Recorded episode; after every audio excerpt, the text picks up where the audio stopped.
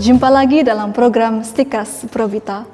Para saudara, fenomena perdukunan telah menjadi salah satu fenomena yang tua dalam sejarah. Artinya, fenomena ini sudah ada sejak zaman dulu sampai sekarang, meskipun dunia telah maju dan teknologi telah berkembang.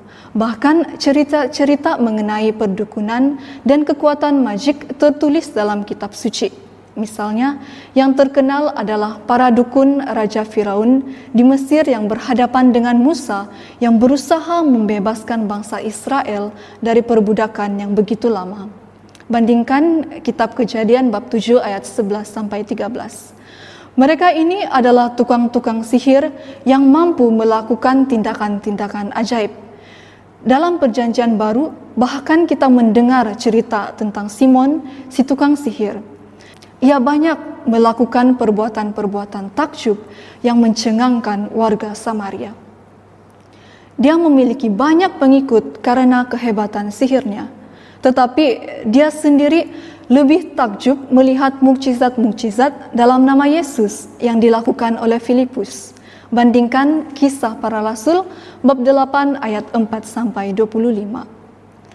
Dalam sejarah kita juga membaca banyak cerita-cerita tentang perdukunan, memang kita melihat kekuatan perdukunan dan magik itu tetap ada. Ini bukan isapan jempol. Di kampung-kampung juga kalau ada orang sakit, keluarganya akan membawanya ke orang pintar supaya sembuh.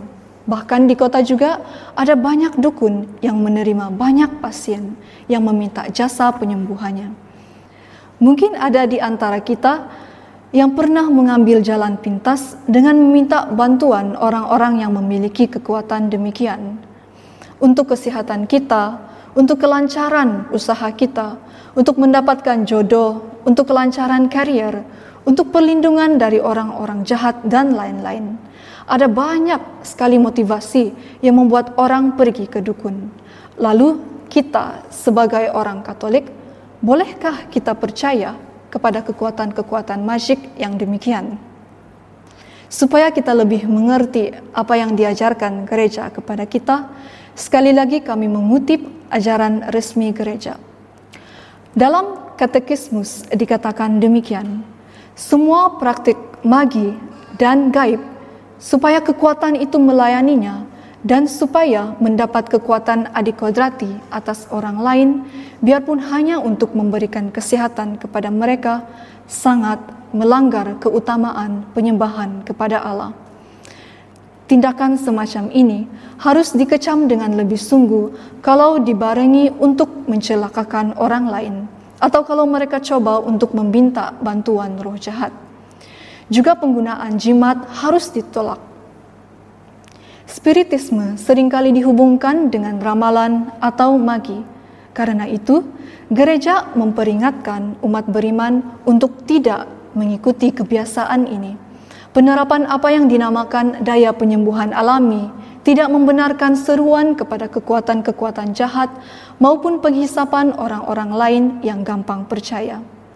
Nah, pertama-tama kita melihat mengandalkan kekuatan magic sihir atau pergi ke dukun jelas bertentangan dengan iman kita.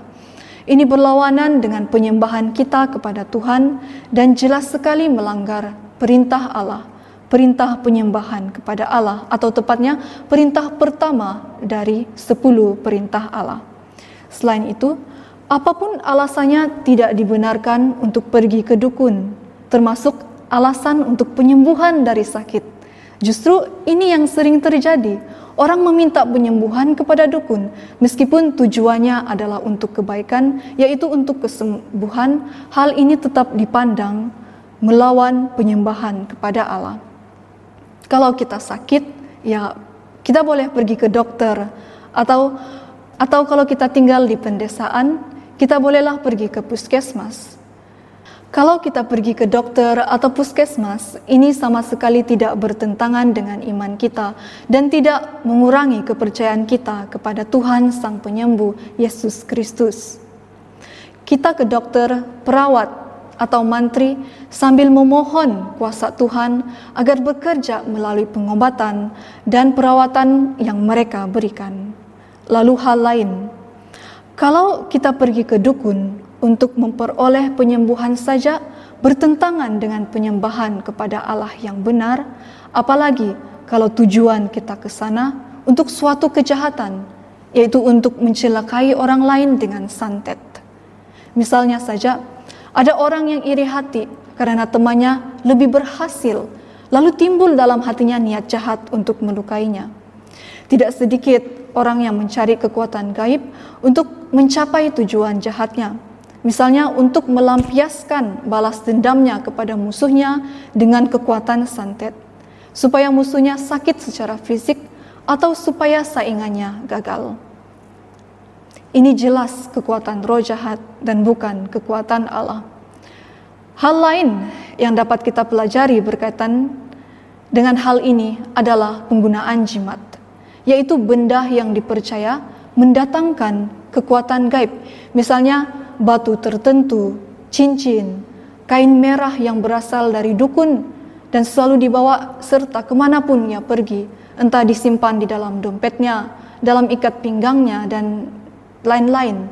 Hal yang sama juga terjadi ketika orang yang dipasangi susuk supaya kelihatan lebih cantik dan menarik.